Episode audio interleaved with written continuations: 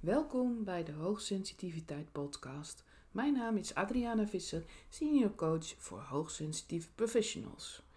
Ik neem deze podcast altijd op alsof we samen aan tafel zitten.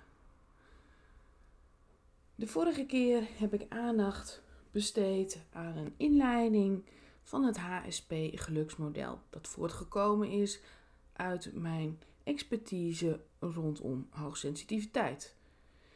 Ondertussen alweer 21 jaar. Ik heb dit model ook geregistreerd. En dit is een manier waarop ik altijd heb gewerkt, nog steeds doe, maar wat ik steeds meer ook ga benoemen. En zoals ik de vorige keer al zei, wil ik nu graag ook per thema er wat dieper op ingaan. Ik herhaal nog even welke thema's er waren binnen het model. En dan ga ik dus op één dieper in. Het eerste thema is fysieke zijn. Het tweede emotioneel.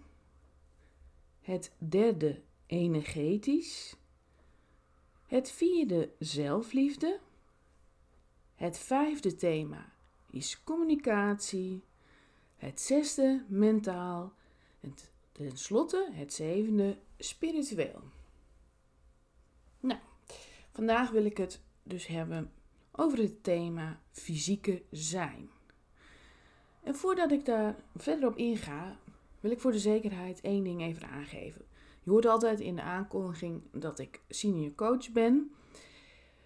Maar ik ga soms ook nog een stapje dieper op de zaken in. Ik weet niet of je dat uit de podcast haalt, dan al dat je met me samengewerkt hebt, wilt werken.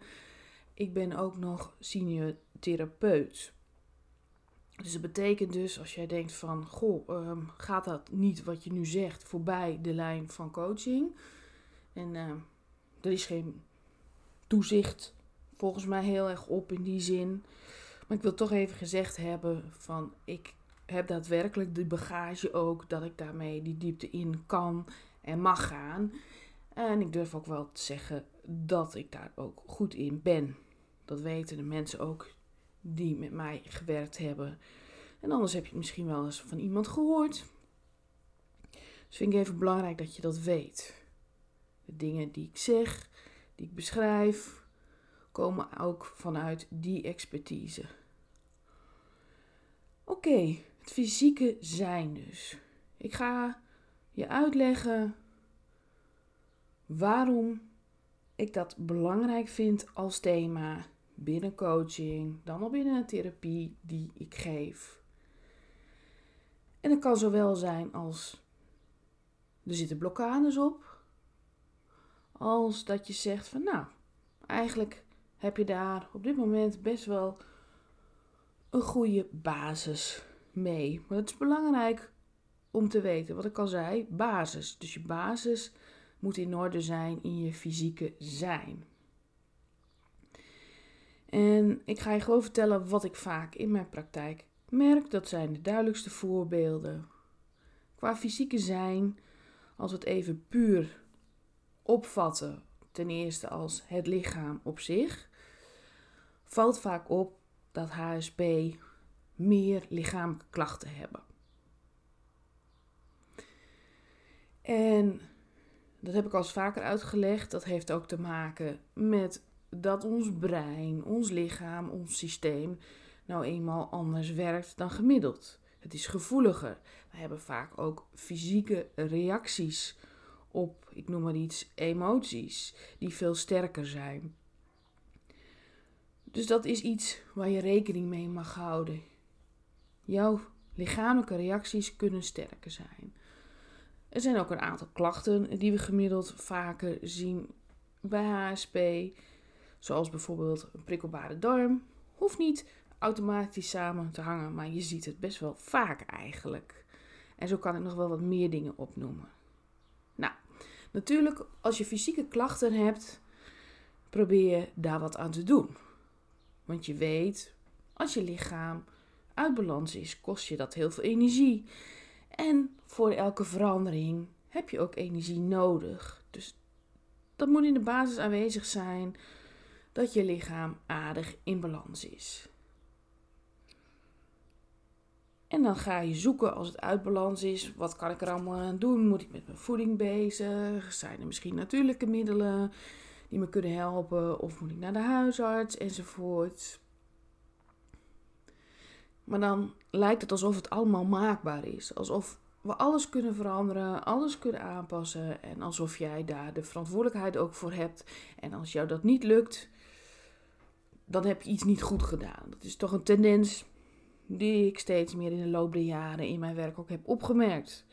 Dat er gezegd wordt: ja, maar dan heb je dat nog niet geprobeerd. En nou, maar als je dat doet, dan komt het wel in orde. En laten we eerlijk zijn, dat is soms gewoon niet het geval. En dat is ook niet erg. Tuurlijk, ik snap wel dat lichamelijke klachten eh, vervelend zijn. En heel veel invloed op je energie kunnen hebben. Waar het om gaat, is dat je er rekening mee houdt. Dat je er bewust van bent. Dus niet alleen het bewustzijn als HSP.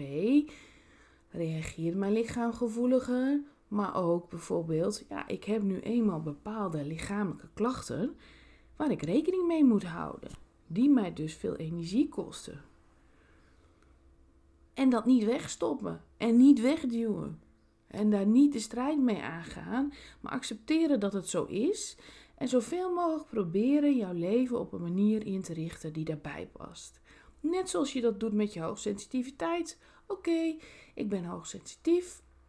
Ik heb tijd nodig om dingen te verwerken, ze een plek te geven, ze los te laten, me te ontspannen en dan weer op te laden. Zo is het ook met lichamelijke klachten. Zorg dat je lichaam niet gaat schreeuwen, maar zachtjes tegen je zegt: Zou je niet even rustig aandoen? Want je bent de laatste tijd wel heel erg moe. En geloof me, gemiddeld genomen luister ik meestal wel aardig goed naar mijn lichaam. Maar ik heb ook wel weer eens momenten, net als jij, dat ik denk: ja, ik had beter wat eerder kunnen luisteren. Maar het gaat ook om het gemiddelde. Dat je probeert daar een balans in te vinden. Ga eens bij jezelf na. Hoe goed luister jij naar je lichaam? Houd je rekening met je energie en eventuele lichamelijke klachten die je hebt. Dus dat is één punt. Tweede is, ik werk natuurlijk heel veel met mensen die last hebben van stressklachten. Chronische stress, overspannen of zelfs burn-out zijn. En dan moet je zeker heel goed naar jouw lichaam luisteren. Dat is echt een hele grote alarmbel die jou waarschuwt dat je tegen grenzen aanloopt. Dus in dat geval is het ook belangrijk. Alleen, veel HSP zijn het contact met hun lichaam verloren. Want dat lichaam is zo gevoelig. En dat lichaam kan ook zo duidelijk die overprikkeling aangeven. En als je daar niet mee om kunt gaan nog, dan probeer je vaak het contact met je lichaam te verbreken. Zodat je die signaalfuncties niet meer voelt, niet meer opmerkt. En dan gaat je lichaam steeds harder protesteren. En harder. En harder. Totdat je zelfs ziek wordt. Dan al wat ik al zei, overspannen, burn-out. Die connectie met je lichaam is ontzettend belangrijk. Ook al voelt het eng, ik leer mensen altijd weer dat contact te maken. En daar kunnen heel veel blokkades op zitten. Maar dan gaan we stap voor stap naar kijken. Wat ligt hierachter? Waarom vind je het zo lastig? Is het inderdaad die angst voor die overprikkeling? Dat je die prikkels in je lichaam voelt? Dat je daarom dat contact liever niet zo sterk ervaart met je lichaam? Of is er meer aan de hand? Voel je je misschien onveilig zelfs in je lichaam? Is er in jouw basis iets geweest waardoor je als kind het gevoel had: het is hier niet veilig? Dat hoort ook bij dat fysieke zijn. Heb je het gevoel dat je veilig bent in je lichaam? Nog verder gaand, Heb je ooit signalen ontvangen dat je het gevoel had dat je er niet mocht zijn? Dat je niet gehoord werd, dat er niet naar je geluisterd werd? Ook dan is het heel moeilijk om stevig in je lichaam te gaan zitten. En jezelf ook stevig neer te zetten. Als jij steeds de boodschap hebt gehad dat het er niet toe doet wat jij vindt, wat jij voelt, wat je denkt, dat je je mond moet houden, dat jouw grenzen overschreden mogen worden, dan voel je niet meer. En dan ga je in je hoofd zitten. Of wat ik bij meer mensen nog zie, die gaan echt helemaal dissociëren. Die nemen helemaal afstand van hun eigen lichaam, van zichzelf, gaan er wat boven hangen. En dat kost heel veel energie. En omdat ik al zei, energie is de basis van verandering, maar ook van het leven op zich. Daarom is dat een punt waar ik altijd naar kijk. Heb je lichamelijke klachten die je veel energie kosten? Of zijn er redenen geweest, zoals de angst voor overprikkeling, waardoor je niet goed in je lichaam durft te zitten? Dan al heb je constant de boodschap meegekregen: het is hier niet veilig. Bijvoorbeeld doordat er altijd ruzie was thuis. Of heb je de boodschap meegekregen: ja, als ik eens een keer aangeef wat ik wil en wat ik voel, dan moet ik mijn mond houden. Dus blijkbaar doet het er niet toe. Dat kan in de basis gebeuren, dus dan is het een heel diep onderliggend patroon. Maar het kan ook later in je leven gebeuren en dat heeft natuurlijk ook heel veel impact. En je slaat ook alles op in je lichaam. Alle onverwerkte gebeurtenissen, emoties, noem maar op, zetten zich vast. Dat worden blokkades in jouw energie, blokkades in jouw lichaam. En die doorbreken we.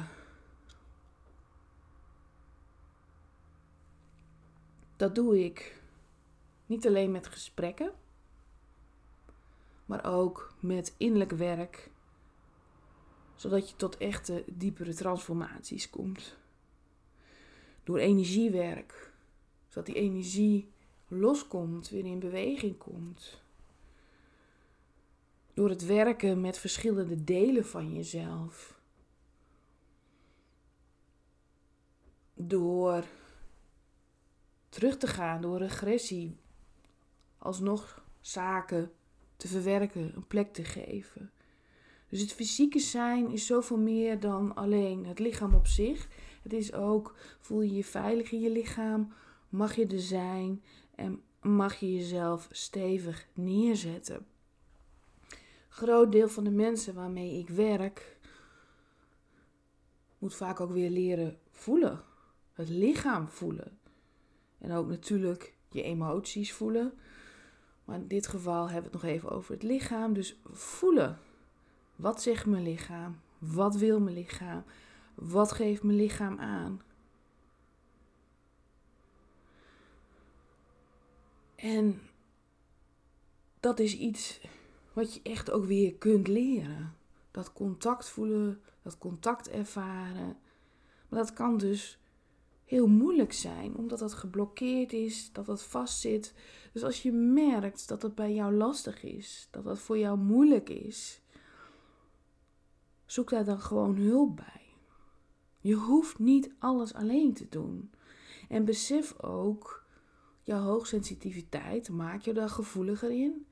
En omgekeerd vergroot jouw hoogsensitiviteit het weer uit als je problemen hebt in het fysieke zijn.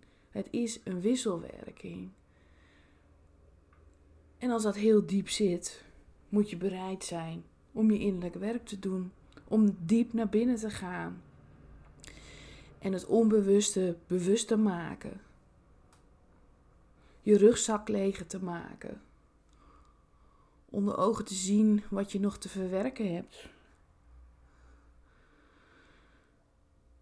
Neem daar tijd voor. Neem daar ruimte voor. Dat gaat je zoveel energie schelen. Dus of het nou is dat je constant merkt: ja, ik heb net niet die kracht, net die energie om stappen te zetten. Ik voel blokkades, ik voel een handrem. Het lukt me net niet dat te bereiken wat ik wil. Of dat je echt voelt, ik heb gewoon echt te weinig energie. Ik voel me overspannen of misschien ben ik zelfs wel burn-out. Neem die stappen. Ga die diepte in. Gun dat jezelf.